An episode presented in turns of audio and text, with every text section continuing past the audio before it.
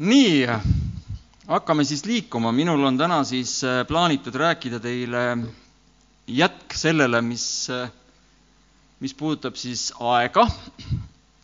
Ja teema nimi on siis selline, et äh, kas meil aega on, aega on, küsimärk, kas meil on aega või ei ole? Teie vastus võiks olla, milline? aega veel. see on ka hea laul, jah, sealt juba saab osa vastuse kätte et, mhm. et äh, kaks korda olen siis rääkinud seda teemat, äh, kõigepealt rääkisime siis äh, üldse, mis see aeg endast kujutab, mida see tähendab, siis me rääkisime natukene minevikust, kuidas me peaksime minevikku suhtuma, seda me ei hakka täna siis uuesti üle kordama, neid saab sealt internetist vaadata, kui tahate, Youtube'ist. siis eelmine kord rääkisime olevikust ja nüüd täna läheme tulevikku ja mul on plaan siis äh, käsitleda seda teemat siis selliselt, et, äh, et natukene üldse rääkida ja vaadata ja mõelda tulevikule.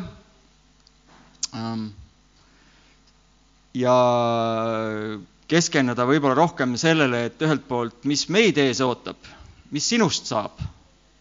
ma vaatan sulle otsa, siis muudad niisuguse morni näoga, vaatad mulle otsa, et mis must siis saab nüüd siis. või siis küsimus, et mis, mis sinust saab ja siis äh, võib-olla vaataks, vaataks äh, võib-olla lähemalt natukene ka kogudusest, mis kogudusest saab. ja, ja võib-olla natukene neid trende, võib-olla neid arenguid. me oleme nüüd ju kogudusega jõudnud sinnamaani, et, et, et me oleme nüüd siin suuremates ruumides ja me oleme nüüd iga kord praktiliselt seda teinud ja teeme edasi ka, täname kõiki, kes on siin käe ja õla alla pannud, nii siis vahenditelt või lihtsalt tulnud appi või et ma vaatasin, et nüüd on, täna on juba meil siin ka see pärs ja lendav vaip on siia ette tulnud. Õnneks Urmas ei kuule midagi. värsk ja kusjuures jah, teeme Urmas suure aplausi, tema on siia väga palju panustanud. me oleme küll nüüd äh, kirikuga eluaegsed võlglased talle, et vaatame, millal me need võlad suudame ära katta.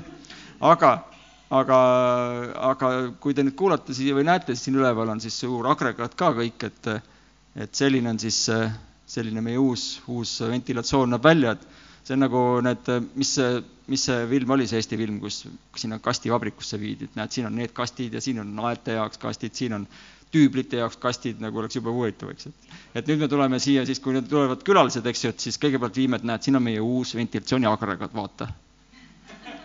siin on meil eh, soojustatud torud osaliselt, vaata. tunned õhku, hinga on ju hea, eks ju. tunned need õhku rohkem, on ju? ja kui õhku on rohkem, mis siis saab? siis on see, et sa tunned ennast paremini, eks ju. Äh, täname tänast catering'i juba. mis asja?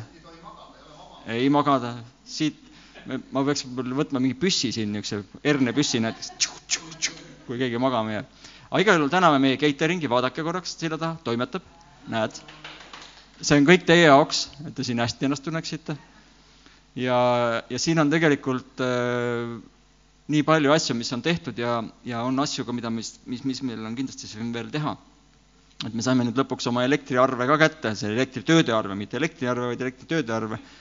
ja hetkel on nii, et äh, me hakkame seda järelmaksuga maksma, nii et, et proovime siis tuhat eurot iga kuu lisaks kõigile muule veel nagu maksta seda elektriarvet, et seal, see oli umbes kaheksa tuhat, nii et, et äh, jah üle kaheksa tuhande oli see, kogu see asi.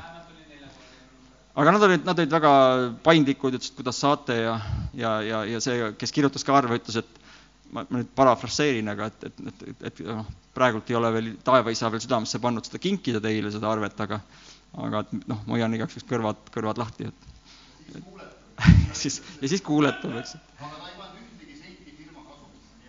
et et et meil on siin mitmed inimesed, mitmed töölised, siin on, ma ei tea, näiteks üks vetsupott on ostetud puhtalt ühe inimese, kes siin nüüd tuli meil lihtsalt appi, ütles, et asi südamesse, vetsupott meile siia kinkida. et kui sa sand, no vot, vot, vot, kõik, kõik asjad, nii et nii et eh, kui me hakkame enam-vähem selle asjaga nagu ühele poole saama, siis, eh, siis, eh, siis, siis, siis, siis me lööme need kõik kulud ja kirjad kokku ka, et siis saab, saab enam-vähem aimu, mis me siis oleme teinud siin, aga aga ma arvan, et juba suurem osa asju on nüüd tehtud, nüüd edasi saame siin viimistlemiste ja igasuguste hubasuste ja kõige muude asjade tekitada. meil on kindlasti kunagi vaja võib-olla korralikku siia mingit kahurit, eks ju, seina peale, mis näitab paremini kui see. ja meil on vaja kindlasti siin äh, mõelda, mõelda, kas me tahame siia videokahurit, jah, jah. siis siia, võib-olla veel siia keskele mingisugused vaibalahendused, et oleks natukene veel soojem või kuidagi, et et igal juhul äh, vaatame siis, kuidas, kuidas ja millal. aga miks ma seda kõike räägin, see on mõnes mõttes ka meie jaoks uus aeg ja ja järgmine plaan oleks nüüd äh, meil, äh, nüüd on see esimene septembri koolimineku aeg ja ja meie sotiüritused tehtud, et, et siis tahaks kohtuda aktiiviga et hakatagi mõtlema nüüd, mis on meie siis koguduse eesmärgid, millised on meie plaanid, millised on visioonid, lähtuvalt nüüd sellest olukorrast, kus me täna oleme, et meil on ruumi rohkem, meil on asukoht teine, meil on teistsugused äh, väljakutsed, meil on teistsugused probleemid ka, eks ju, aga kõik need asjad on nagu head asjad ja neid asju tuleb, äh, tuleb nagu arutada. omavahel võime öelda ka seda, et meil on ka üks, üks teine kogudus, kes tahaks tulla jagama meiega siin neid ruume. kuidas see välja mängib, kas mängib, jälle, need on kõik teemad, mida me peame arutama et on plusse ja miinused kindlasti, aga ega me ei tee seda need plussid-miinud järgi, vaid ikka tuleme kokku ja palvetame ja, ja vaatame, kas see asi istub südamesse või mitte. aga, aga et eh, miks ma seda räägin, on see, et, et täna vaatame natukene ka siis üleüldse, milline võiks olla koguduse, ma ei räägi nüüd meie koguduse ainult, vaid üleüldse, milline võiks olla koguduse tulevik. millised on need võib-olla need sellised eh, asjad, mille peale peame mõtlema ja võib-olla natukene enda, endaga peas ja mõtlemises peaksime natukene neid asju sättima paika.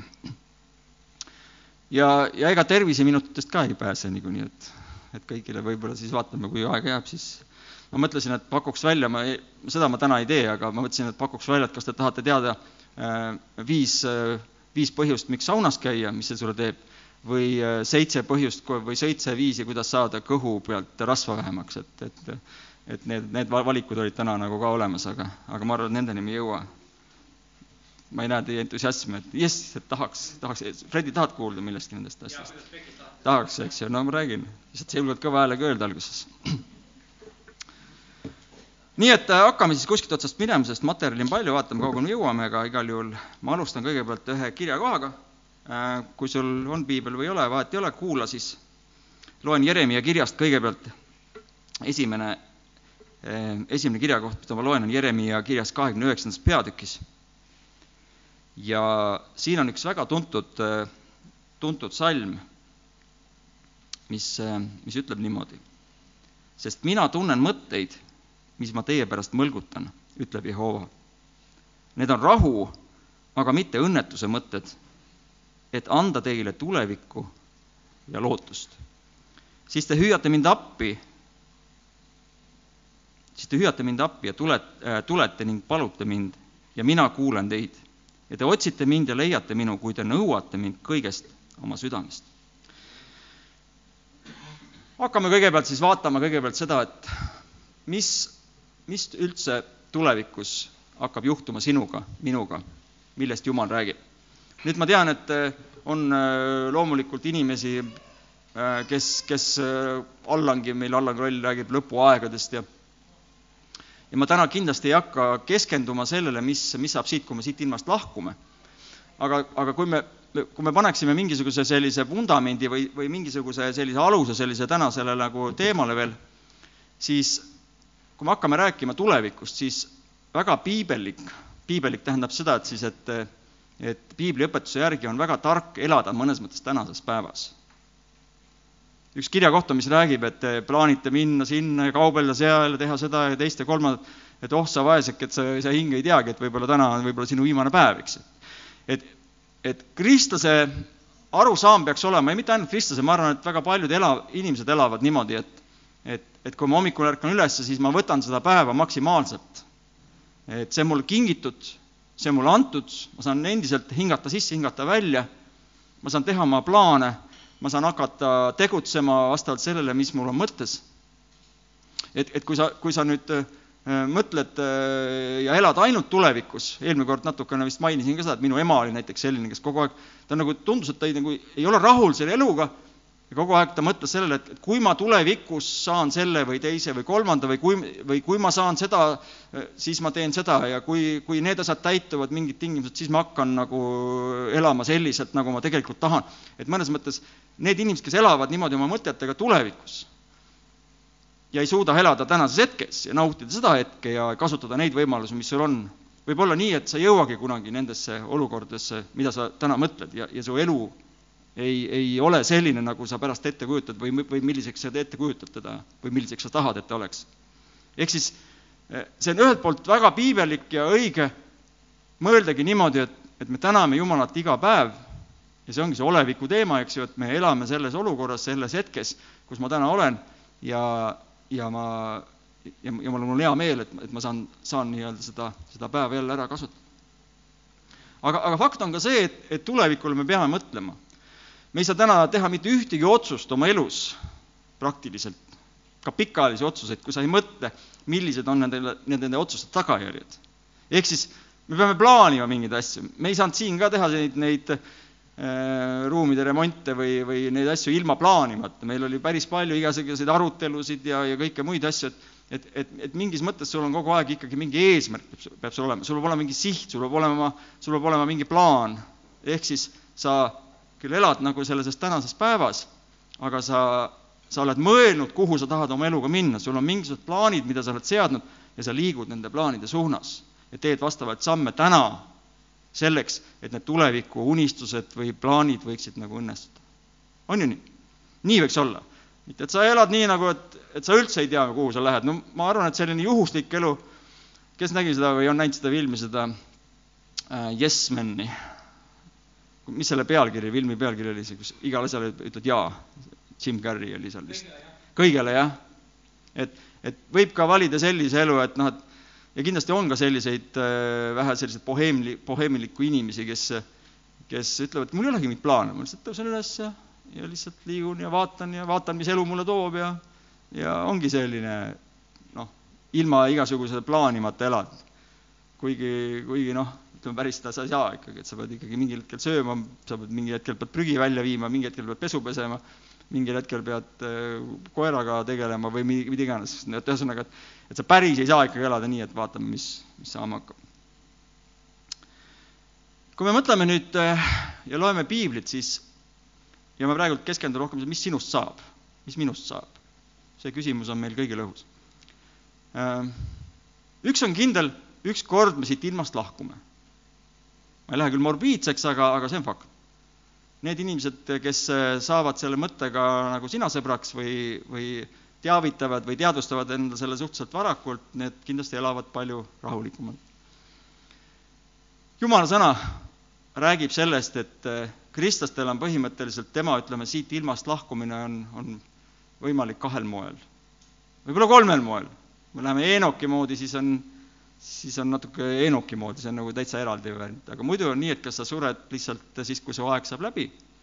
piibliraamatus on meil tõotatud kuuskümmend, seitsekümmend aastat, tänapäeval, kui sa järgid minu tervislikke nõuandeid, siis me räägime, muudame piibli selle koha peal natuke ära, paneme seitsekümmend, kaheksakümmend aastat ja veel parem varsti kaheksakümmend, üheksakümmend aastat. aga fakt on see, et, et varem või hiljem me siit lahkume ja ini-, enamasti ka vanadusse suremine tähendab ikkagi haigusse suremine, et inimene on oma bioloogiliselt kehalt selliselt, et, et mingist hetkest tegelikult inimene hakkab juba seal kaheksateist, kahekümne aastaselt hakkab põhimõtteliselt vananema. lihtsalt need vananemise märgid ei paista välja, vaid hakkavad juba siin molekuli tasandil hakkavad need protsessid pihta ja, ja siis nad lihtsalt lähevad edasi. et, et me lahkume siit ilmast, see on, see on nagu kindel. teine, teine asi on see, et, et piibel räägib sellest, et on variant ka see, et, et tuleb issanda päev. nüüd, kui kui issanda päev, kui piibel räägib üldiselt issanda päevast, siis enamasti mõeldakse siin ikkagi sellist viimset kohtupäeva. aga ka, ka teatud kontekstis ja ka meie, kui me räägime issanda päevast mõnes mõttes, siis me võime, võime mõelda ja see ei ole ka vale, kui me mõtleme Jeesuse teist tagastulemist. ja sellest äh, räägib ka Uus Testament mitmel pool, kui, kui räägitakse, et, et need, kes on surnud issandas, kui Jeesus tuleb tagasi, siis need tõstetakse haudadest kõigepealt ülesse, temale taevasse üles õhku vastu ja nende ihulikud äh, molekulid või mis iganes seal hauas veel on, siis muudetakse kadumat-, kaduv saab, saab kadumatuks ja ja, ja, ja, ja kõik see autu ihu saab siis auliseks ihuks. ja, ja ta muudetakse, see inimene muudetakse siis kristlane äh, siis selliseks taevaseks kehaks, nii nagu, nii nagu nad seal taevas siis ollakse. ja need, kes üle jäävad, kes ei ole sel hetkel äh, surnud, need siis äh, tõstetakse üles, see ingliskeelne sõna rapture, ülesvõtmine. et siit ilmast on võimalik ka lahkuda nii.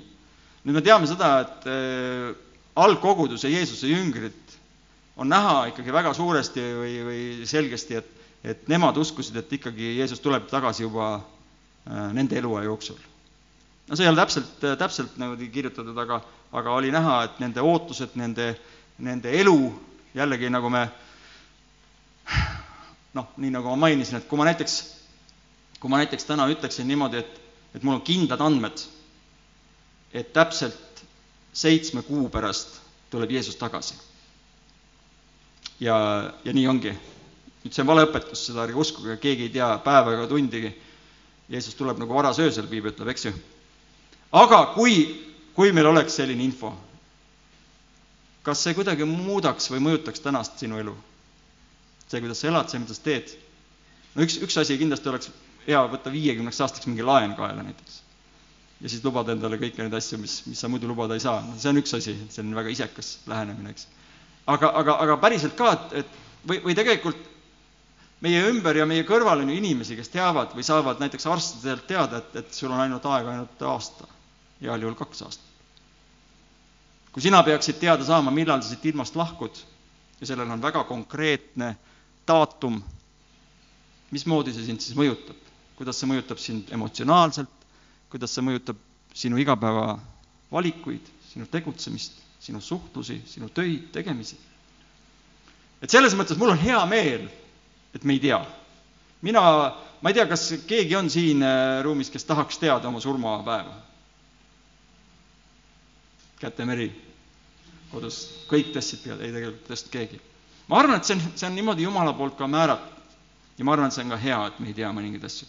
mina läksin, ma nüüd tean, et ma lähen viiendal oktoobril lähen mandlioperatsioonile. seda ma ei taha teada, aga ma tean seda. see ei ole väga hea. aga enne, kui ma ei lähe mandlioperatsiooni, siis mul võib tulla tagasi see, mis ma olen, kus ma olen kaks korda käinud nii-öelda juba selle tangide all seal, kui on siin, see oli mandlipõletik, mida siis lõigati tangidega lahti kolm-neli korda ma olen seda rääkinud, seda värvikat lugu siin. seda ja, ja kui mul keegi ütleks, et äh, kolme kuu pärast tuleb see sul tagasi, arstid ütlesid, et see tuleb tagasi, kui sa mandliopile lähed, see tuleb tagasi. lihtsalt see võib tulla sul tagasi kuu aja pärast, see võib tulla sul kuue aasta pärast. ja ma võin riskida, et ma ei lähe mandliopile ja, ja loodan, et tuleb kuue aasta pärast, aga tagasi ta tuleb. ja ma ei taha teada, millal ta tagasi tuleb, sest seda ma enam läbi elada ei taha, mida ma juba kaks korda olen elus läbi elanud. Kunn on ka vist selle läbi teinud. Kunn pane ennast kirja, siis tee ka op ära. ühesõnaga, on mõned head asjad või mõned asjad meie elus, mis on, mis on niimoodi seatud, et me ei tea neid. aga ma võin sulle öelda, et kui sa piisavalt suhkrut tarvid, siis sa lähed ümaramaks kiiresti, mõni kiiremini, mõni vähem kiiremini. okei okay,, see on jälle see teema. aga piibli järgi on jah, siis ütleme, et kui me küsime sellise küsimuse, mis meist saab, siis äh, kui me siit ilmast lahkume, kui me räägime nüüd hästi lühidalt või korraks sellest hetkest, kui me siit ilmast lahkume, siis, äh, siis me teame, et, et juudid enne Kristust, isegi, isegi ma ei oska praegult sada protsenti praegult öelda, mis, mis nende seis praegult oleks, aga vähemalt me näeme seda, et nad läksid Abrahami sülle, on mingisugune koht, kui nad surevad, läksid Abrahami sülle, et siis, kui Kristus surnust üles tõusis, siis me teame, et, et juudid sealt Abrahami sülest tulid kõigepealt ja kuulsid, ta, ta, piibel räägib, et ta läks, äh, kuul-, äh, kuulutas kõigepealt vangis olevatele vangidele, no arvatakse, et just need ongi need endised nii-öelda juudid, kes, kes tegelikult ootasid Messiat. ja kuna Kristus on Messias, tegi oma töö ära, siis, siis ta läks neile ka kuulutama evangeeliumi. ja kes nendest vastu võtsid või võtnud, ma ei tea, mis seal siis täpselt toimus, meil ei ole nii palju infot, aga me teame seda, et, et kui inimene sureb, siis ta läheb ühte kindlasse konkreetsesse paika. ja juutide puhul oli see siis enne oli Abrahami süli, meie oleme nii, et äh, me näeme Uues Testamendis väga selgelt, et kui inimene sureb, siis ta on siin ja kui ta sureb, siis ta on, et oleks, et ta on, siis ta on koos issandaga, mida iganes see tähendab. ma ei tea, kas on veel mingisugune vaheetapp, me näeme, teame seda, et, et ilmutuse raamat natuke räägib nendest, et tuleb ka tuhande aasta rahuriik ja me teame seda, et, et ükskord ka surm hävitatakse, surm visatakse tulejärvi, see on, see on see teine surm, see on see lõplik surm. Äh, me oleme uskunud või, või mitte uskunud, aga me näeme piiblis seda, et tulevikus äh, kindlasti tuleb, tuleb see hetk, kus me seisame ükskord Jumala ees. meil oli kunagi see väike raamat, kus seal pisike inimene on suure valguse Jumala ees ja siis, siis äh, võetakse need eluraamatud lahti, kõigepealt vaadatakse, et kas sinu nimi on seal sees või siis äh, vaadatakse ka, piibel räägib sellest, et, et ükskord me peame aru andma igast tühjast sõnast, mis me räägime. ehk siis ka need asjad, mis me siin elus teeme, need ei lähe kuskile kaotsi, et et, et, et äh, tänapäeval me peame oma noori õpetama ja me, me teame seda, et, et kui sa internetis midagi teed, ükskõik mis liigutust, või kui sa saadad ükskõik mis pilti, see jääb sinna praktiliselt igavesti. seda ei ole võimalik ära hävitada. samamoodi on kristlane, kui me küsime, mis meist saab, siis siis kristlase mõtteviis võrreldes maailma inimese mõtteviisiga peaks olema selles mõttes erinev, et maailma inimene on seadnud oma eluks sünd on algus ja surm on lõpp ja kõik, mis siin vahepeal toimub, on see nii-öelda see distants või see vahemaa, kus, kus siis inimene nii-öelda oma elu plaanib. on ju nii? kristlased on selles mõttes teistmoodi, meie tähelepanu ei ole ainult sellel ajalikul elul kuigi me räägime sellest ajalikust elust ka, mis me siin peame tegema või mis meid siin ees ootab või mida Jumal meid siit ootab, vaid meie suuname oma pilgud tegelikult ikkagi igavikku. kuigi me ei tea täpselt, mismoodi see surm välja näeb, ma arvan, et keegi ei saagi kunagi teada, enne kui sa ise selles hetkes oled. me ei tea täpselt, kuhu me läheme, aga me teame nende, nende kirjakohtade järgi, et ükskord me oleme tema ees. ja me teame seda, et ükskord tema vaatab meie elule tagasi, kõik, mis me oleme teinud. nüüd julgustuseks sulle. kas keegi on teinud halba asja elus, mida sa kahetsed? nüüd on küll käed, käed peaks tõstma, ei ole sa, sa oled, tule siia, sa oled püha. sa oled ainukene, ma ei tea, oled sa ingel või kes sa oled meie keskel? igal juhul kõik me oleme seda teinud ja, ja mõnes mõttes on äärmiselt, äh, mina küll nagu võib-olla äh, noh, piibel ütleb, et lähme julgusega Jumala aujärje ette, eks. et, et siis ma, ma, kui ma mõtlen kõike, mis ma oma elus korda olen saatnud, kas siis teadlikult või teadmata, kui palju ma olen eksinud tema asjade vastu või teinud asju, mis, mille, mille, mille pealt noh, mida ma ei taha, et minu prožektorid mulle peal näitaksid ja ja need võib-olla avalikuks saaksid, eks ju, või siis, siis oleks väga hirmutav minna elama Jumalat ükskord.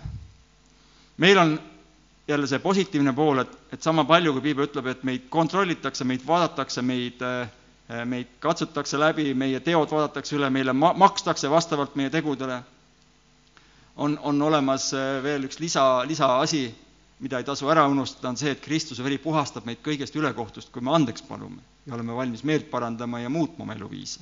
see on see, millega me peame täna tegelema. ehk siis, kui sinu elus on olnud asju, mis on olnud halvad, mis ei kannata seda Jumala valgust välja, seda, seda kohtumist, siis, siis ei ole mitte midagi muud, kui selleks need kirikud ongi, et siis on meil siin ilus see lendav pärise vaip siin, sa saad tulla siia ja panna põlved maha ja öelda, Jumal, anna mulle andeks. Ja piibel ütleb, et sel hetkel, kui sa andeks palud ja südamest reaalselt kahetsed seda, mis sa oled teinud, siis see antakse sulle andeks ja see puhastatakse, ta viib sinu eksimused nii kaugele, kui ida on läänest ja peseb sind puhtamaks kui valge vill no ma ei ole valget villa näinud või on kellelgi valget villa, aga noh, ütleme ta on, ta on noh, ütleme nagu lumi siis võiks öelda, lund seal tol hetkel ei olnud võib-olla neil võtta kuskilt. aga saate aru küll mõttest. ehk siis, kui sa oled oma elu Jumalaga korda sättinud, oled oma asjad tema ette andnud ja, ja oma asjad ära klaarinud temaga, siis seal, tolle ajal, tulevikus, kui sa temaga kohtud seal teispoolsuses, siis neid asju seal enam ei ole, sest Kristuse veri on sind puhastanud, puhtaks teinud ja maksnud selle hinna, mis, äh, mis oleks muidu sinu vastu rääkinud, nüüd, nüüd seda enam seal ei ole. Need on kustutatud, internetist on ära kustutatud kõik need asjad nii-öelda. ja neid ei ole enam Jumala silme ees, need ei ole enam vahe, äh, nii-öelda selliseks vahe äh, segavaks faktoriks sinu ja Jumala suhte vahel. oled sa selle üle rõõmus, et see, see on osa evangeeliumist, see on see, mis, mis mis peaks meid julgustama elama sellist puhast elu ja, ja, ja lahendama oma asju, sest oleme ausad, me eksime niikuinii ja, ja tulevikuski ja me eh, teeme seda jätkuvalt kuni elu lõpuni, aga kristlase üks osa sellest eluviisist ongi see, et sa klaarid kogu aeg oma asjad ära. kui sa teed oma südame kõvaks ja ütled, et ei, vot neid asju ma ei klaari või neid asju ma ei taha oma elus muutuda, vot siis on küll natukene väike oht, mitte väike, aga siis on, siis on see, ütleme, see tulevik võib-olla mitte nii, nii kerge, kui, kui pannakse seal taevas need videod käima ja näidatakse kõik need asjad, mis sa oled teinud ja, ja siis sa pead andma nii-öelda aru, eks ju, mis sa tegid. ja ega see, et me küll usume ja räägime sellest päästest ja me isegi ütleme, et kui sa palud Jumala oma südamesse, Kristus oma südamesse, siis sa oled päästetud. aga, aga me siin kindlasti siit kantsist kunagi ei, ei kuuluta seda, et kui sa oled ühe korra päästetud, siis sa oled igavesti päästetud, vahet ei ole, mis sa elus teed. see ei ole õige õpetus. Päästmine on jah, ühekordne kogemus, sind tehakse Jumala lasteks, sinu kuri, halb süda võetakse välja, pannakse Jumala elu siia sisse, Jumala püha vaim tuleb sinu sisse, aga edasised teod määravad ikkagi neid valikuid. määravad ikka, kuhu suunas sa oled liikumas, kas sa lähed uuesti tagasi oma vanade asjade juurde või sa oled valmis koos Jumalaga edasi minema ikkagi nende asjade, nende suunas, mis su südames nüüd on, selle uue loomusena.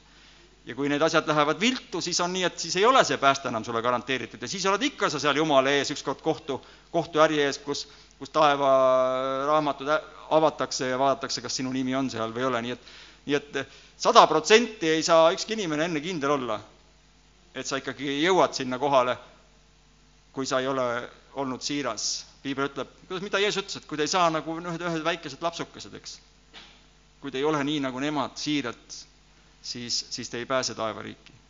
aga ta ütles jälle, et mis on öeldud, kes saavad taevariiki? kes saavad, kes pärivad igavese elu? tooge mõni kirjakoht, piiblis on neid päris mitu ei tule praegu? on mingi, mingi julgustav kirjakoht? jah. Kui sa usud oma südames, et Jeesus on Kristus ja oma suuga tunnistad, tema on sinu päästja, issand, siis sind, mis tehakse, päästetakse, eks. Neid, neid, kõik, kes tema vastu võtsid, Johannese kolm kuusteist kirjaga, nendele ta andis mida? meele peale saada jumala lapseks. jumala lapsed ei lähe põrgusse, lähevad taevasse tema juurde. Õndsad on puhtad südamelt, sest nemad pärivad mille? jah, jah, siis seal ütleme, seal loetelus on ka pärivad Jumala riiki, eks ju, et noh, seal on need, need õndsaks, õndsaks jah, need, need, need kirjakohad seal räägivad nendest samadest asjadest. nii et kui me tuleme tagasi sinu juurde või selle küsimuse juurde, et mis meist saab mis meist siis saab? mina ütlen seda, et sinust saab täpselt see, mida sa ise valid oma elus. Jumala puhul, kristluse puhul on, on erinev võib-olla mõnedest teistest religioonidest see, et, et jumal annab inimesele valikuvabaduse. ja sellesama valikuvabaduse pärast me selle ka kaotasime kunagi. ja täpselt sama valikuvabaduse järgi me saame täna nii-öelda ähm, valida, kas me tahame Jumalaga käia või mitte. et see on, see on meie enda otsus, see on meie enda valik. ja selleks, selleks, selleks ongi see kristlik kogukond, selleks ongi Jumala sõna, selleks ongi meil need palved, selleks on meil kõik see, mis me siin teeme.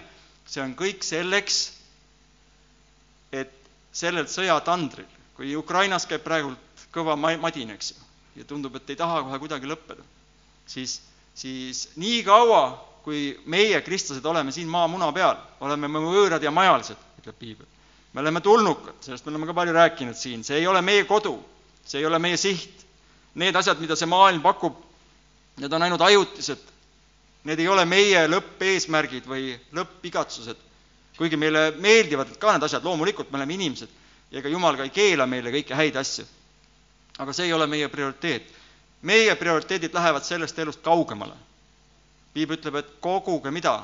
varandust taevasse. kuidas seda kogud? kus koi ja rooste ei riku.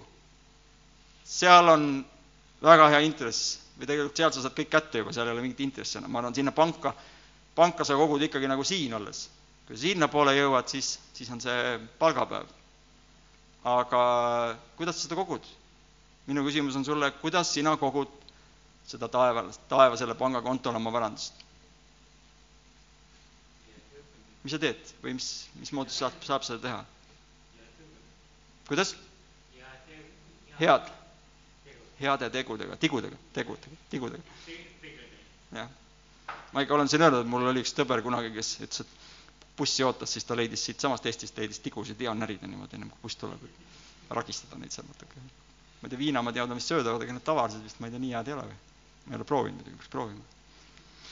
nii et, et, et, et see, see, see Jumala tee, mis ta on meile andnud, ta ütleb, et see on see kitsas, see on see väike, väike uks on seal, mis ei paista, lai ja ah-, ja, ja suur ja ahvatlev on see tee, mida maailm kutsub käima, eks ju, mis tõotab igasuguseid põnevaid asju. aga Kristuse tee on, on kitsas, see ei ole väga atraktiivne ja tihtipeale see tähendab seda, et me peame vastuvoolu ujuma. ja selle eest sa saad palka, kui sa teed seda päriselt ka, oma südamest, siis sinu tulevik on Jumalaga kindlustatud. nii et, et me ei tea täpselt, kuidas see kõik see tulevikus seal peale surma nagu välja näeb, fakt on see, et, et seal on mingisugused perioodid, seal tegeldakse kurjade vaimudega, seal on Armagedoonid ja tuhande aasta rahuriigid ja, ja seal on kõik, kõik muud asjad. ega me täpselt ei kujuta ette ka, milline üldse see elu välja näeb koos Jumalaga igavesti seal, millises olekus. tundub, et ta ei ole päris selline kissell või selline mingisugune hologramm, vaimumaailm, vaid tundub, et seal on ikkagi, piibel räägib ka vaimsest kehadest, nii et nii et eh, me võime oma unistustel ja, ja, ja, ja sellistel ettekujutlustel lasta muidugi lendama ja, ja mingid, mingid võib-olla äh, jah, fantaasial lasta lennata, et mis see kõik välja näeb, aga, aga reaalselt ega me ei tea. me teame ainult neid asju, mida ma nüüd nimetasin, neid kirjakohti. et, et, et mis on nagu meie jaoks olulised. et, et niikaua, kuni me püsime Jumala kursil, kuni me teeme õiget asja, siis äh, siis me võime täitsa rahul, rahuliku südamega siit ilmast ükskord lahkuda niimoodi, et sa ei tunne hirmu selle ees, mis seal teisel pool sündima hakkab. tervist!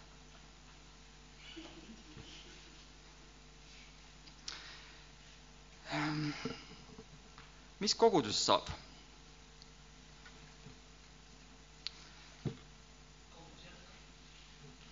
leidsin ühe, ma lihtsalt hästi kiiresti käin üle mõned lihtsalt sellised mõtted, need ei ole nüüd küll ma ei hakka praegu täna rääkima sellest äh, teoloogilises mõttes või, või ütleme, sellises äh,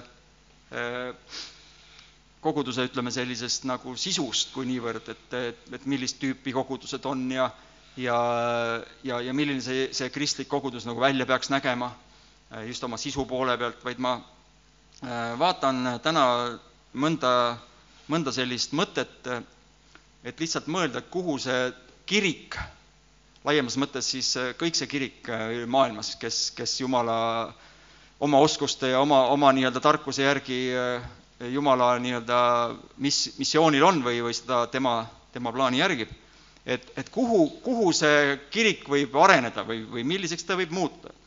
seda meil vaja oleks selleks teada, et me teaksime ise ka, et mismoodi me oma, oma kirikut siin edasi viime ja, ja millised on meie plaanid ja eesmärgid. Ja ma loen siit mõned Äh, mõned mõtted teile lihtsalt mõtteaineks. kõigepealt äh, äh, esimene mõte, mis, mis tasuks võtta kaasa, on see, et, et ükski inimene ei ole kirikut alustanud. kirik ei ole ühegi inimese leiutis, vaid see on Jeesuse Kristuse enda seatud, see on tema idee. ja kui vaadata koguduse minevikku, siis kirik laias laastus on käinud läbi ka igasugustest aegadest. ja õnneks kiriku edasine tulevik ei sõltu ühegi inimese mingisugusest asjast. kirikud on niikuinii kogu aeg muutuses, me kõik äh, lahkume, me liigume, me kolime, me, me lahkume siit ilmast, äh, me, tulevad uued, tulevad lapsed, tulevad uued põlvkonnad, et niikuinii äh, erinevates kirikutes, erinevates kultuurides on siis siis ju olnud või on, on nii, et, et need kirikud ongi kogu aeg sellises muutuses. aga meie võime täitsa rahulikult mõelda, et, et ka meie selline väike kirik, mis täna on veel väike, võib-olla varsti ei ole enam nii väike, et meie väike niisugune tegevus otseselt äh, midagi ära ei riku. isegi kui me teeme vigu, ka kirikuna ma mõtlen, siis, äh, siis Jumal on troonil, see on tema projekt ja tal on alati teada täpselt, mis, mis suunas ja mismoodi need kirikuasjad arenevad. mitte ainult meil, vaid üleüldises globaalses kirikus. teiseks ähm, on öeldud niimoodi või üks, üks mõte on siin selline, et, et need kirikud, kes jäävad kinni mingisugusesse mudelisse, hääbuvad. ma selgitan. kunagi oli põhiline transpordiviis, kuidas inimesed liikusid, olid hobu ja kaarikuga. Aga millalgi, ma ei tea, mis aastal, võib-olla keegi teab, leiutati rattad. ja siis leiutati sisepõlemismootor, siis tulid autod. täna me räägime juba rakettidest, lennukitest, igasugustest muudest huvitavatest asjadest, tehnika areneb tohutu kiirusega, te ei kujuta ette, mis, ma, pärast natukene räägin teile viimaseid, viimaseid selliseid trende, mida näiteks ennustatakse, et mis kahesaja aasta, kahesaja aasta pärast juhtuma hakkab maailmas. milline see maailm välja hakkab nägema, need on, ole, olete huvitatud, see on päris põnev. et kui sa tahad nagu sinna jõuda, siis sa pead jälle minu terviseminuteid kuulama, eks et, et kui sa ei taha, siis sure varem ära, siis sa ei näe neid põnevaid aegu. aga, aga, aga isegi meil, noh, ma vaatan, et me oleme küll vaba kirik, me teeme nalja, et meil on kõik vaba, meil on kõik vaba siin, vaba abielust saadik, tegelikult ei ole vaba abielu, noh, saate aru küll. aga noh, et me tahame öelda, et me ei ole nagu need vanad traditsioonilised kirikud, kus on kõik nii rangelt paigas, eks ju. nagu nad ütlevad meil teinekord, et noh, et vähemalt viissada aastat läheks tarvis, enne kui nad midagi muudaksid seal näiteks õpetuses, viissada aastat et doktriinis muutust teha, selleks on vaja seda uuendust nii-öelda katsetada ja seedida viissada aastat. see on õigeusu kiriku näiteks selline väike, väike lähenemine. aga kui me vaatame ka meid, siis oleme ausad, ka meil on juba mingid asjad välja kujunenud, mida me väga ei suuda muuta või, või ei taha muuta, meil on mingid oma et kaarikud ja hobused, mis on kogu aeg paigas ja, ja kui nüüd keegi tuleb, ütleb, et võtaks nüüd mopi või võtaks mingisuguse paadi või teeks natukene teistmoodi asju, siis meil on esimene, ma ei tea ikka, kas meil on ikka kolm laulu on, eks ju, endiselt, ma aplodeerin neile, kes julgevad neli laulu laulda. Meil on öö, oma teenistuse viis ja see on ainult muidugi noh, see on niisugune pool naljaga öeldud ja, ja ega ma ei ütle, kord on alati hea. kord teiselt poolt, kui sul on korralagedus ja kõik käib niisugune suva järgi, siis ka kvaliteet kannatab.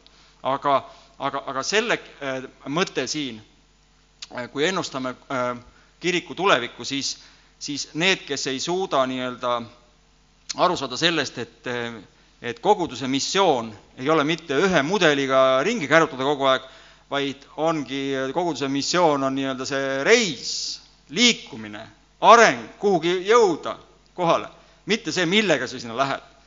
ja kui sa liigud ajaga kaasas, siis sa pead neid ja pead olema valmis neid mudeleid vahetama.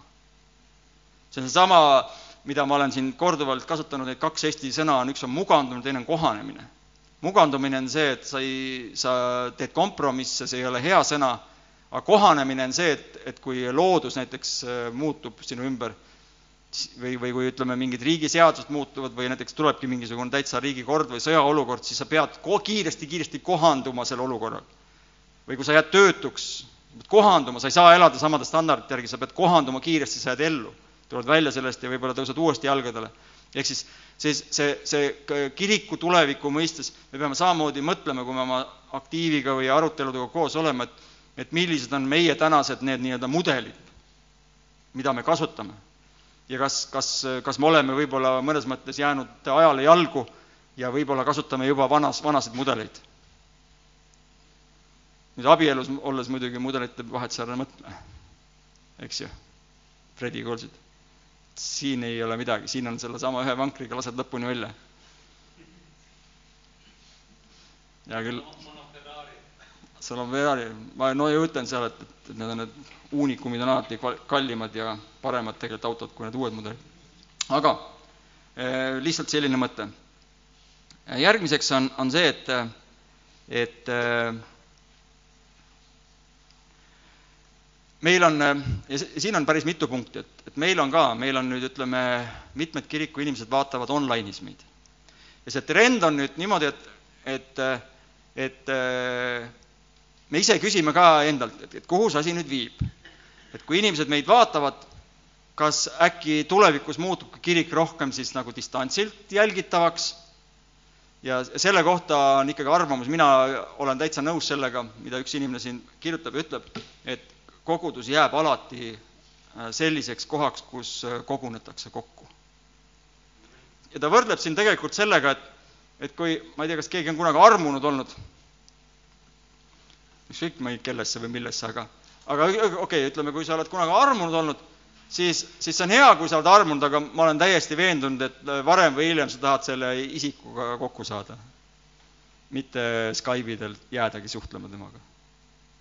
ja tegelikult kirikul on tegelikult sama see funktsioon, et kuigi arvatakse võib-olla, oh see tehnoloogia kõik läheb nii võimsaks, et inimesed ei viitsigi ja ei peagi ja ei tahagi enam kokku tulla, siis äh, mina usun seda, et, et, et see samamoodi kunagi ei muutu, seepärast et kirik on oma algusaegadest olnud ikkagi selline eklesia ehk siis kogudus, mis tähendab seda, et see on kokkutulnute kogu, see on kokku tulnud, väga raske on olla niimoodi online'is kokku tulnud, me oleme näinud neid online koosolekuid ja neid igasuguseid äh, äh, erinevaid, erinevaid keskkondasid, kus me koguneme, no see ei ole päris see ikkagi. ta aitab, eks ju, kui sa ei saa käia iga kord, ta aitab sul nagu kaasas olla sellega, aga kindlasti see ei ole see, vaid kogudus jääb, jääb äh, ikkagi selliseks seltskonnaks või selliseks asutuseks, kus kus inimesed reaalselt tulevad kokku. siis äh, järgmine punkt on selline, et, et äh, selline kristlus, kes ainult tarbib, sureb välja. ja need, kes äh, on ise, isetud ja valmis päriselt teenima inimesi, otsima nende kasu, need jäävad ellu ja, ja, ja need, need on siis need, kes, kes tegelikult nagu kasvavad ehk siis see meie suhtumine peaks olema selline, et me oleme valmis äh, iseendid Kristuse pärast mitte ohverdama, aga andma sellesse teenimistöösse, sellesse missiooni, mida, mida Jumal on andnud kirikule. et need on need tulevikukirikud, kes, kellel läheb asi nagu paremaks, kes kasvavad ja kes äh, see, see on muidugi selline valus teema mõnes mõttes, sest me oleme ise just sellest ka läbi tulnud siin äh, see autor toob välja, et, et see, see isetu teenimine tähendab seda, et, et aeg-ajalt tuleb ikkagi nagu valida, et mis äh, laule me laulame ja äh, mis, mis värvi kaardinad on meil ja, ja millised, millised saavad olema lahendused, mingisugused ükskõik mis, mis asjad, mis me siin teeme. Et, et meil selle varem seal ei olnud, seal oli kõik paigas, aga siin me ka põrkume, me näeme kohe, et et, et kui me oleme siin nagu koos, siis, siis äh, tulevad ikkagi need erinevad maitsed tulevad nagu väga välja.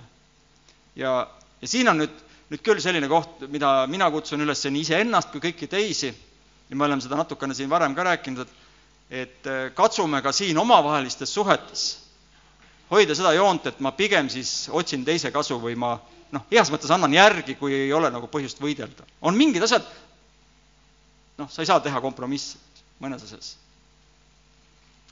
ja, ja mingid asjad on nagu ikkagi jumala tõed, mida ei saa väänata, mida ei saa nagu noh, arutada, see on nii ja, ja inimene kas usub seda või ei usu, kui talle ei meeldi, siis ta läheb ära. aga palju kurvem või palju äh, nagu jamam on see olukord, kui me läheme näiteks äh, kogudusest minema sellepärast, et mulle, mulle ei meeldi üks, see ütleme näiteks mingisugune vetsupoti gaas ei meeldi mulle või või, või ma tahtsin tegelikult, et, et see valgus oleks hoopis kümme senti sealpool või hoopis kümme senti kõrgemal ja nüüd mind ei kuulatud ja ma lähen minema selle pärast. et, et ma arvan, et, et me olemegi, me peame aru saama sellest, et me kõik oleme erinevad, täiesti erinevad. ja ma olen täiesti veendunud selles, et noh, ühelt poolt see oleks tegelikult hea proovikivi, äh, piibel räägib kommuunidest ka ja kusjuures tänapäeval on ka selliseid kristlikke seltskondi, kes kolivadki kokku. teevad seda, nagu algkoguduses olid, et me müüsime kõik maha mulle enam keegi ei öelnud, et tema vara oleks tema oma, müüakse kõik maha ja ostetakse mingisugune suurem äh, koht, kus ongi siis kärgpered ja igasugused pered on koos seal, kristlased, ja on nagu kommuunid, noh, või sellised. eks, äh, eks me teame, et neid on, neid on siiamaani ka praegu, elavad täitsa omaette kuskil ja neil on kõik omad süsteemid, Amishid näiteks ja, ja, ja mõni, mõni seltskond veel. aga, aga mina olen nüüd täna aru saanud, et kui mina peaksin nüüd teiega koos ühes kohas elama, ma läheksin pooltega teiega teistpidi riidu nii palju ma olen aru saanud. sest meie maitsed, meie arusaamised asjadest on nii erinevad. ja ma ei saa öelda, et ühel on õigus või teisel on õigus, pigem on see, et me oleme lihtsalt nii erinevad. ja nüüd on niimoodi, et kui me tahame, et me koos elame ja, ja, ja tegelikult koguduses, kui me üldse midagi mõtleme, et mida me siin müüme, me, me tegelikult heas mõttes uutele inimestele müüme ikkagi seda õhkkonda, mis siin on, mis on siiras, mis on aus, mis on Kristuse sarnane, mis, mis on oh, ennast ohverdav, teiste kasu otsiv, need on kõik sellised ilusad klauslid, mida siit kantsist on hea öelda. aga reaalses elus on see, et ikka, ikka, ikka lähed ikka närvi küll, kui keegi teeb vastu sellele, mida mina tahaksin teha. pea, või sinu koha peal täpselt, eks, et et, et me peame endale meelde tuletama, et see ei ole mitte kellegi kodu siin. et siin ei saa teha sinu maitse järgi kõiki asju. kui me hakkaksime kõikide käest küsima, siis meil olekski nii palju arvamusi, kui palju, paljude inimeste käest me küsiksime. ja see on täpselt samamoodi, nagu minul on lastetrennides, ma ei, ma ei, praktiliselt ei küsi kunagi, et noh, mis me täna teeme. no vahel ma küsin lihtsalt, et näha, näidata, et, et ma ikka kuulan neid ja ma ikka otsustan ise, mis ma teen. seepärast, et ma saan tavaliselt, kui mul on kakskümmend poissi, siis mul tuleb kakskümmend arvamust seal ja see ainult tekitab segadust. üks ütleb, et ta tahab seda teha, teine seda, ei, ma ei taha seda, siis ta tahab tülli seal ja lõpuks pean ikka mina otsustama. ja kui ma midagi, mida iganes ma otsustan, mõned ei ole rahul. ütlevad, mulle ei meeldi, ma lähen minema. no aga ei saa niimoodi. ja see on, ütleme, olnud, ütleme nüüd, kui me räägime kiriku ja meie koguduse tulevikust ka, siis, siis see on asi, mis tegelikult väga valusalt natukene tõmbas meil vaiba alt ära, jumal näitas meile korraks. et kui ma natukene teid lähemale toon ja panen teid päris asju tegema siis te kohe, teie iseloomud, teie maitsed hakkavad põrkuma. ja nüüd on väga hea näha, siit saab nüüd näha meie kristlikku vaimulikku taset. mind ei huvita, kaua sa oled siin kirikus käinud või kaua sa kristlane oled, nüüd ma saan näha, kuidas me käitume teatud olukordades, kas ma ajan oma jonni, kas ma ütlen halvasti, aga sa unustad ära, kui sa ütled teisele halvasti, sa unustad ära, et sellesama inimesega tegelikult sa peaksid või oled nii-öelda, noh, ma ei ütle laulatatud, aga sa oled siin kirikus järgmised kümme, kakskümmend, kolmkümmend aastat koos. miks sa teda halvasti ütled? õpime suhtlema, nii nagu ma ise üritan ka kogu aeg, et, et ma ei, ma ei tule ja ütle, kui keegi teeb midagi täiesti teistmoodi, et ma ütlen kohe, et vastupidist. ja ma saan aru tegelikult, et, et ma teen sellega haiget talle. või ma panen ta olukorda, kus ta peab hakkama ennast kaitsma või, või ründama vastu. ma ei jätagi talle ruumi üldse selliselt, et ta võib lihtsalt ka oma arvamust öelda või et ma annan teada, et mul on natuke teine arvamus. aga seda saab kõike öelda niimoodi, et teine ei solvu, seepärast et meie lõppeesmärk ei ole mitte või tegelikult see ei ole üldse küsimus, mis värvi midagi on või kust midagi tuleb või, või ka milline see kirikusaal nagu lõpuks välja hakkab nägema. küsimus on selles, kuidas me omavahel nagu edasi suhtleme. ja kas need on sõbralikud suhted, kristlaste suhted, õe-venna suhted. on see ikkagi omade punt, kelle juurde sa tahad tulla, vaata ma pulmades kasutan seda näidet, et, et ma, ma tean, kes jäävad kokku ja kes ei jää kokku. siis alati inimesed kõik, siis ma ütlen, et teate, ma isegi tean need, kes mul täna siin ees seisavad, ma tean isegi nende kohta, et kas nad jäävad kokku või ei jää. kus sa jääd? ja siis ma ütlen kehakeel, kehakeel. kui ma näen, et mitte täna, aga ma räägin muidu, kui ma nendega varem kokku saan, kui nad on natukene, kas või grammi võrra niimoodi tõmbavad üksteist, siis nad kasvavad kokku, jäävad kokku. Aga kui nad on niimoodi pingevaba olukorras on, üks ajab oma asja, teine teine asja, pigem elaks, oleks, hoiaks seda oma space'i ja rahu, ma ei taha teda oma intiimtsooni lasta. no mina peaaegu et ei lase mitte kedagi enda intiimtsooni. Kairel on ka ainult äh, need äh, ettenähtud ajad, kui ta võib tulla intiimtsooni. siis need, kes, need, kes on, kellel on nagu see kehakeel reedab seda, et nad kogu aeg hoiavad endast natuke eemal, siis, siis need lähevad lahku, need kasvavad lahku. Aga toome selle nüüd kogudusse toome selle kas või sinu ja Jumala vahel suhetesse, täpselt samamoodi, seda võib sealt mõelda, kehakeel. kas sind tõmbab Jumala poole, kas sind huvitavad Jumala asjad, kas sa teed midagi. ja samamoodi koguduses, kui sa oled siin nüüd nende inimestega, kas sa pigem, kas nad pigem mõjuvad sulle häirivalt ja sa kannatad ära selle poolteist, kaks tundi siin, et saaks jälle oma, oma asjade sekka, siis ma ütlen, et, et, et kui, kui sa ei tunne ennast siin koduselt või sa ei tunne nende inimestega ennast normaalselt, siis sa kasvad lahku ja, ja juhtub äh, tavaliselt nende pisiste, pisikeste probleemidega, äh, kui inimesed ei saa nagu äh, kokkuleppele või ühele meelele, siis tavaliselt on üks pool lahkub. ja mina küll ei tahaks näha seda, et keegi meie kirikust lahkuks sellepärast, et ta ei olnud nõus, et vet-, vetsupoti gaas ei sulgunud vaikselt, vaid tuli prõmmiga alla. et kes need igasugused otsustajad olid, et mina enam sellist kirikusse ei lähe, kus vetsupoti gaas vaikselt ei sulgu aga kusjuures me praegu naerame, aga tegelikult ma arvan, et selliste asjade pärast teinekord inimesed lähevadki ära. ja see on naljakas. ja siis ma mõtlen, et come on, mis lasteaed see on, noh. et mis, kas me räägime nagu päris kirikust, kus me tahame, inimesed tuleksid, nad näeksid meie soojust, meie Kristuse südant, meie muudetud elusid, samas, et me oleme ka ausad, me räägime oma vigadest ja et me ka ise eksime ja meil on endal probleeme palju, aga et me siiski püüame, pingutame, vabandame, teeme kompromisse, anname järgi et, et meil ei ole väga populaarne see põse keeramine, mina ei ole siin vähemalt meie see remondi ajal näinud väga palju seda, et me siin põske keeraksime. pigem on nii, et annaks veel. kui saaks. aga see tuleb ka sellest, ma saan aru, see, ma ei ütle seda nagu halva pärast, sest ma näen kõik need, kes me oleme tänanud siin, kõiki neid, kes on panustanud. sinu südames on teha sellest asjast Jumala koda, kus kõik on nii hästi, kus inimesed saaksid tulla ja sa tahad anda oma parima.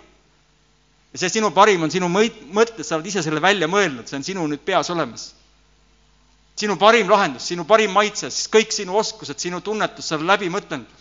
ja nüüd sa käid selle välja ja siis keegi ütleb, kuule, maga välja, tead. siis muidugi noh, siis on väga raske põski keerata või öelda, no okei okay,, magan välja, noh, las siis läheb. et, et, et noh, need on need, need on need päris asjad. Siis äh,, siin kell on? kella meil ei ole vist kuskil. ma panen kiirust juurde ja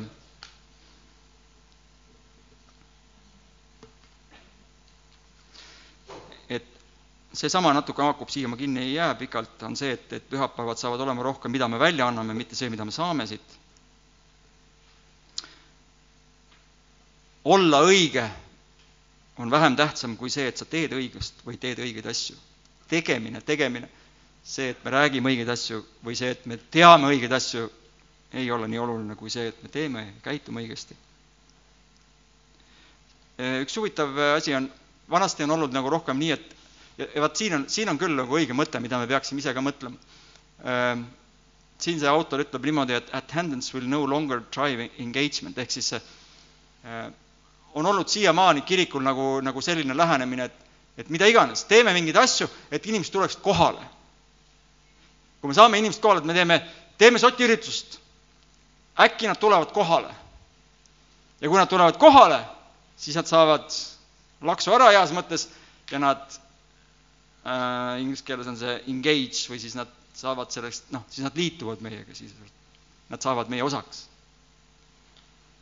aga see autor ütleb, et, et tuleviku kirikus saab olema vastupidi. et kõigepealt on vaja inimestega ikkagi nagu midagi koos äh, juba enne nagu kokku saada, midagi teha koos. ja me oleme seda ka teinud, näiteks sama, et kutsute sinna toidupanka näiteks või, või mida iganes, sa hakkad koos tegema ja siis nad tulevad ja hakkavad ka osalema nendes tegevustes, mida kirik teeb. et äh, mitte vastupidi. et selleks ka meie peame mõtlema, mida me siis teeme. Et, et, et me ei pea siin üleliia palju igasuguseid projekte ja üritusi tegema, lootes, et äkki nüüd keegi ka astub siit sisse. et suure tõenäosusega need püsima ei jää, nad tulevad, vaatavad, võib-olla mõni jääb, aga, aga enamasti ikkagi äh, needsamad isiklikud kontaktid, mis meil inimestega on ja need isiklikud vestlused ja ja, ja, ja siis, kui tekib mingisugune juba töö, jumala töö, me näeme, et jumal juba midagi teeb, puudutab, siis me kutsume alfakursusele, et siis nad hakkavad tulema alles ja saavad osa meie kirikust. Et see on selline nagu mõttekoht, et kuidas me nagu siin oma programmi või oma asju siin teeme.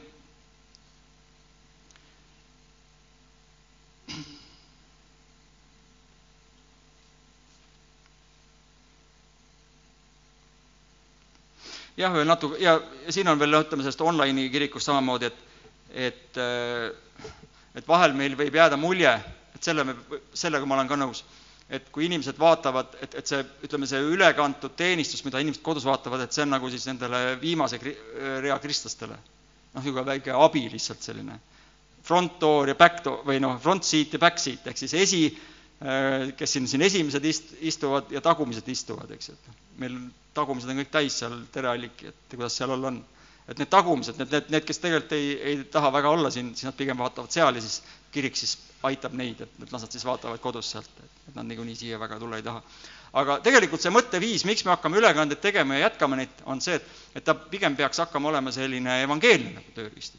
et sealt hakkavad inimesed pigem nagu tulema juurde, hakkavad huvi tundma, vaatavad ja siis nad hakkavad tulema lähemale, nii et mitte me ei näe, et see on nagu niisugune taga lohisevate kristlaste selline abi, vaid pigem evangeelne selline kutsuv äh, peauks või, või uks nii-öelda meie juurde. et, et see on nagu asi. ja ma jätan äh, päris mitu asja vahele ja ma lihtsalt siia lõppu äh, tahan siis äh, anda teile, ma lubasin natukenegi, et need, need on niisugune kiire, kiire värk, et et ma ei, küll pooli asju ei jõudnud üldse midagi rääkida, aga, aga okei okay. hästi kiiresti räägin siis natukene nendest tehnikamaailmast, mis hakkab juhtuma lähitulevikus. milliseks see elu võib kujuneda nii ütleme, lähitulevikus kahe-kolmekümne aasta pärast kui ka kahesaja aasta pärast näiteks. ja ma olen siin päris palju erinevaid selliseid neid äh, inimesi kuulanud, vaadanud siin, küll on siin need Google'i äh, spetsialistid ja igasugused IT-mehed ja, ja, ja see märksõna loomulikult on, kõik on, on tehisintellekt. tehisintellektist ma olen ühe korra siin juba rääkinud, aga, aga täna, täna me teame, et, et see, see kiirus ja see võimekus, kuhu tehisintellekt areneb, et see on nagu tohutu. Ja äh, kurud, nii-öelda IT-maailma kurud ennustavad, et tulevikus, siin on praegult põhimõtteliselt on juba juba nende võimekus äh, olla inimestest targem on tegelikult sisuliselt olemas.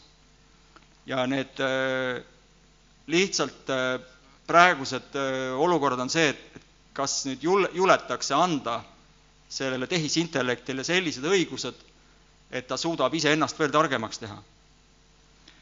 sest kui nad nüüd selle, nii-öelda selle nupule vajutavad, siis nad saavadki inimestest tohutult palju targemateks, võimekamaks ja, ja me võime seda piltlikult võrrelda siis umbes niimoodi, et et tulevikus saab tehisintellekt ja inimese suhe olema nii, nagu koera ja inimese suhe praegult. intelligentses mõttes. ehk siis see, mida nemad otsustavad, mida nad, mida nad teevad inimestega, see ongi tänapäeval see kõige suurem oht, mida nad kardavad. sest, sest neil on tohutu võime areneda hüpervõim-, noh, võimsaks ja üleüldse, me, kui me defineerime inimest, inimese defineerimine muutub, muutub palju raskemaks. seepärast, et kust maalt lõpeb inimene ja kust maalt algab robot. kui me vahetame käed ära, jalad ära, paneme need mingisugused mehaanilised, siis on inimene inimene veel. me ikkagi tahame, isegi kui me vahetame tal südame ära või, või paneme tal mingisugused klaassilmad või ma ei tea, mis iganes kust maalt lõpeb ära inimene ja algab tehisintellekt või robot? no me tahame rääkida teadvusest, eks ju, et on, inimesel on teadvus või me läheme sinna hinge vaimu tasandile, et vaat see on inimene. robotid ei ole neid asju. no ütleme, vaimu me ei saa, me ei, kristlastena usume vaimumaailma, aga ütleme, inimesed, kes ei usu vaimumaailma, nende jaoks ongi kõige sügavam äh, inimese def-, või ütleme, mis defineerib inimese, ongi tema teadvus, aga robotil on ka teadvus. südametunnistus, robotil on ka südametunnistus võib-olla, seda saab programmeerida.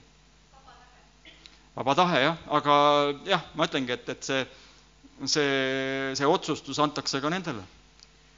Nad hakkavad ise ka otsustama. sina ju teed ka otsuseid vabatahtlikult, lähtuvalt sellest, kas on, milline su kodune taust või milline on sinu äh, arvamus või sinu teadmised või või sinu maailmavaade või sa teed sellest lähtuvalt, aga robotil on samamoodi, tal tekib ka isiksus, tal tekib äh, õppimine, tal tekivad teadmised, tal tekib, tekitatakse talle kõik niisugune äh, noh, kunstlikult küll, aga, aga ta saab seda uuendada, muuta, arendada ja nii edasi. okei okay., ma lihtsalt viskan õhku, ma ei ütle, et see nii on või et see on kõik õige, aga lihtsalt, et, et me teaksime, kuhu me liigume ja kus meie kogudus siis siia nagu samamoodi mahub oma tegevustega.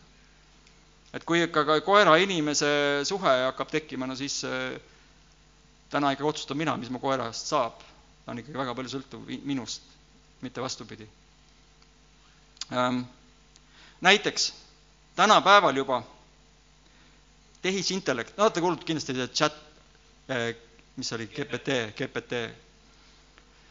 kui keegi ei tea, mis see on, siis see on no, selline programm, sa saad talle ette sööta igast asju, näiteks et et annad talle näiteks Raimond Valgre ja, ja ja las ta teeb Raimond Valgre lauludest põhineva uue laulu Raimond Valgre viisil, kasutades tema nii-öelda sellist intelligenti.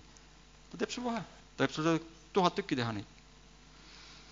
ja, ja nii edasi, nii edasi, nii et see on, see on selline, see on selline reaalsus juba praegult.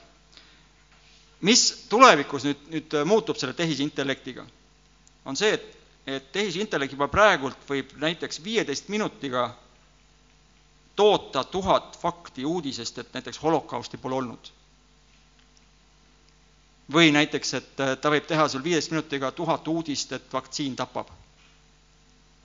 mis, mis see tähendab? see tähendab seda, et tehisintellektid võivad tänapäeval juba toota selliseid fakte ja uudiseid äh, nii palju erinevate selliste külgede alt, et tõe arusaamine või tõe väljaselgitamine muutub üha oluliselt raskemaks tulevikus kui täna. sellepärast, et kui sul toodetakse nii palju erinevaid fakte mingist erinevatest teemadest, näiteks ongi, et see, kelle käes on võim, tegelikult see võim koondubki seal tehis, kes suudab seda tehisintelligenti hallata. ta annab, annab talle ühe käsu ja viieteist minutiga sul on, sul on äh,, miks Putin on hea või mida kõik on nagu Ukraina valesti teinud näiteks. ja sul tuleb tuhat uudist, see paisatakse üle maailma kõikidesse ja seal on faktid, seal on faktid, faktid, faktid, nende faktidega mängimine ja tänapäeval on ju muidu, muide ka see, et, et ega ju ükski videoklipp ju ka, ega seda saab, saab, tänapäeval saab niimoodi teha, et see on täiesti nullist tehtud niimoodi, et seal ei ole mitte mingit pistmist reaalsusega. ehk siis see reaalsuse tõe tegelikult teada saamine muutub tohutult raskemaks. sest see võimekus toota mida iganes sa tahad, see, kes selle pumba juures on, kes selle võimu juures on, tema käes on tegelikult see, see võti, mida ta tahab, et inimesed usuksid või mida, mida inimeste ette sööta. Ja see kindlasti toob erinevate ühiskonnagruppide vahel pingeid, tekivad, tekib veel rohkem selline polariseerimine. ja, ja kui ma nüüd ütleme, prooviks selle kiriku siia tuua, ütleme, et kuidas meie nüüd selles olukorras nagu ellu jääks, nagu ma ütlesin, see on Kristuse idee, Kristus teab ette kõiki neid asju, mis hakkab tulevikus toimuma. Ja tema kirik jääb igal juhul ellu. Aga lihtsalt on küsimus, et kuidas meie nüüd oma tõde kuulutame selles, sellises maailmas. ja mida meie siis saame teha teistmoodi või kas me peame siis oma nii-öelda seda mudelit vahetama, et me jõuaksime sinna kohta välja, kus meie reis on. sest missioon on reis, mitte mudel, ühest mudelist kinnihoidmine. kujutage näiteks ühte hetke korraks ette, mis siis saab, kui internet välja lülitatakse. keegi naine helistas kunagi sinna üks, üks, kaks, et vabandage, et ma lülitasin interneti välja. et mis nüüd saab? kustutasin interneti ära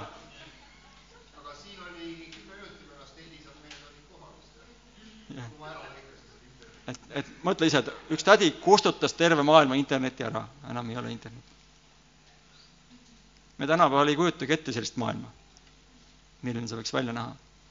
aga kas internet jääb, kes seda kontrollib või tuleb hoopis mingi muu, seda me ei tea.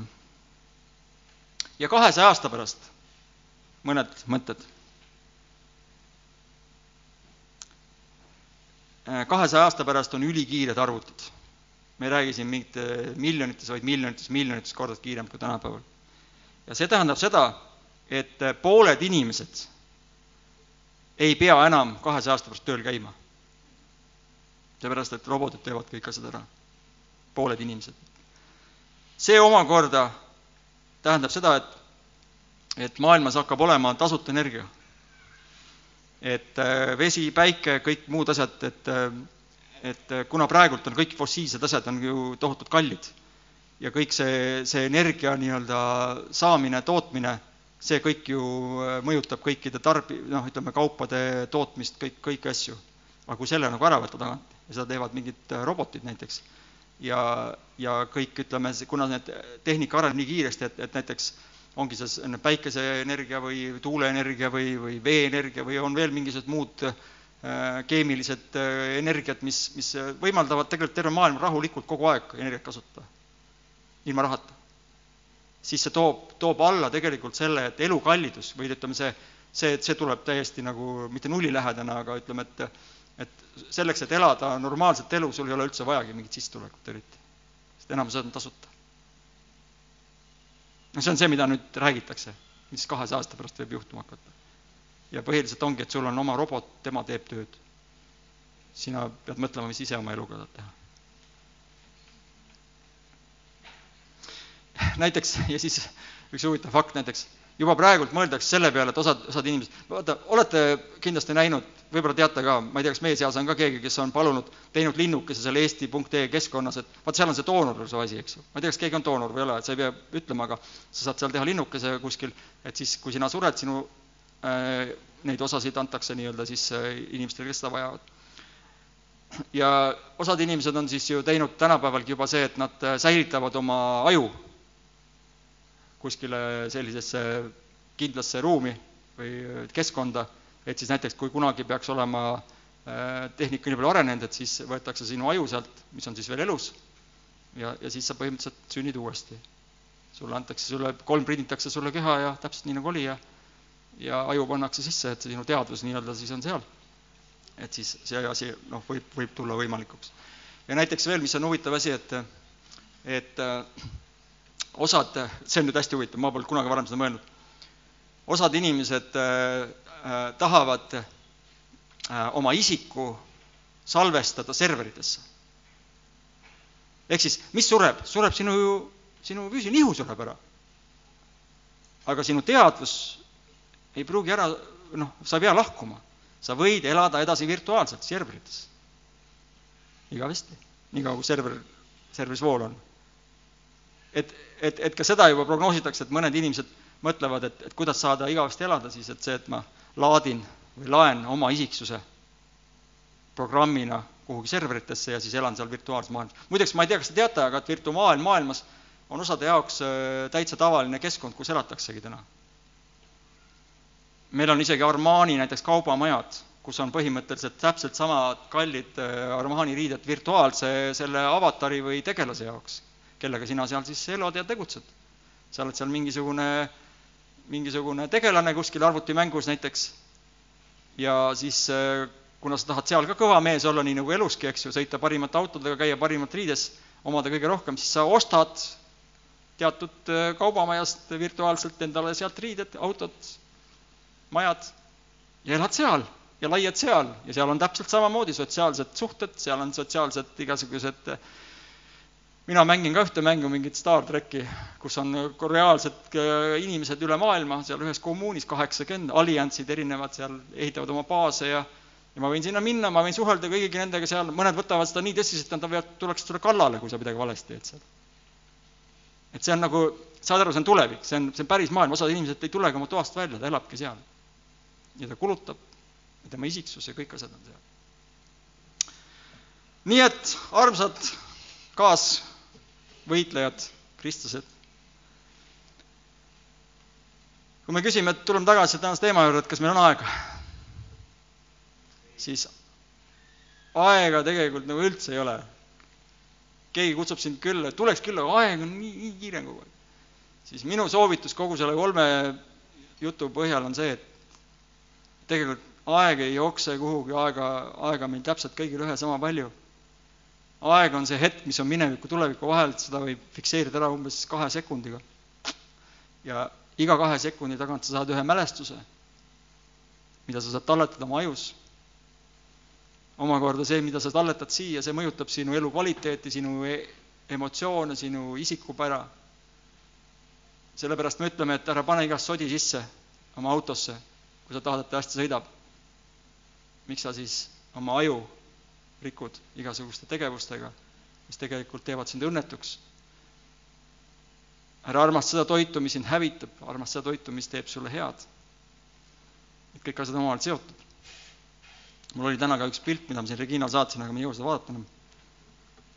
Netflixis oli üks äh, uurimistöö, kus inimene otsis üles blue zone'id ehk siis need kohad, kus inimesed elavad õnnelikult äh, umbes saja aastani, noh, kus on see protsent õnnelike inimeste pikaajaliselt, kes on pikaajaliselt elavad ja kes on ka õnnelikud. terved teevad veel seal üheksakümneselt trenni ja mängivad seal tennist ja ja siis ta käis, uuris igat seda regiooni väga põhjalikult, mida nemad seal teevad, küsitles neid, vaatas neid, mida nad söövad, mida nad teevad, mida nad ja mul on üks tabel, ma võin selle pärast panna võib-olla sinna chati, te võite ise seda vaadata. seal olid siis äh, kokkuvõte kõigist, et mingid osad olid nagu, ta koondas need kõik kokku ja siis tekkis üks selline nagu selline no pane korraks äh, lihtsalt silma ettegi vähemalt, siis te näete, mis asi see on. et, äh, et siin ei ole mitte öeldud, et, et, et vot see on nüüd õige või vale, vaid see on lihtsalt see uurimustöö tulemus, et mida, mida, mida siis, äh, mida siis see uurija avastas nendest erinevatest piirkondadest, ma ei tea, kas sealt loeb välja või ei loe, et ähm, jah, et te võite pärast, ma saab, võin sinna panna, siis te võite sealt ise täpsemalt vaadata. et, et, et elada pikalt ja õnnelikult ja tegelikult need punktid on nagu üliolulised. ja ma arvan, et kui sa poolgi neid asju juba järgid, siis, siis sa oled ise ka samamoodi õnnelik inimene. ja, ja, ja meil on vaja siin kirikus ka õnnelikke inimesi.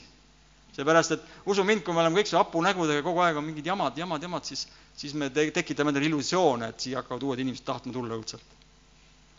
et kui me omavahel seda asja nagu tööle ei saa korralikult, samas probleemid jäävad kogu aeg, kui kirik hakkab kasvama, inimesi tuleb juurde, tuleb rohkem probleeme ja nii edasi, see on normaalne. aga küsimus on see, et kuidas me neid probleeme lahendame, kuidas me suhtume üksteisesse. kas me saame aru, et tegelikult siin maailmas aega meil on väga vähe, et oma asjad korda sättida. aega on piisavalt, aega on täna. täna, kui sa kuuled tema häält, siis ära paaduta oma südant, vaid tee seda, mis ta on sulle öelnud. sest homme võib-olla pole enam seda võimalust. ja nii tulebki elada, mitte stressis, mitte selles selliselt, et oh, ma ei, ma ei, ma ei tea, vaid äh, kasutada igat võimalust, mis on antud, pidada aega kalliks ja teada, et ükskord me lahkume siit ilmast ja siis ma tahan minna ja olla tema ees ja kuulda seda, et hästi tehtud, sa hea ja ustav sulane. tule oma isa rõõmusse või mis iganes. ma siin mõnedele saatsin, et näitasin, et ma ikka ka vahel ka kallistan. osad nägid, osad ei näinud. jah, aga nii, olgu, kell on palju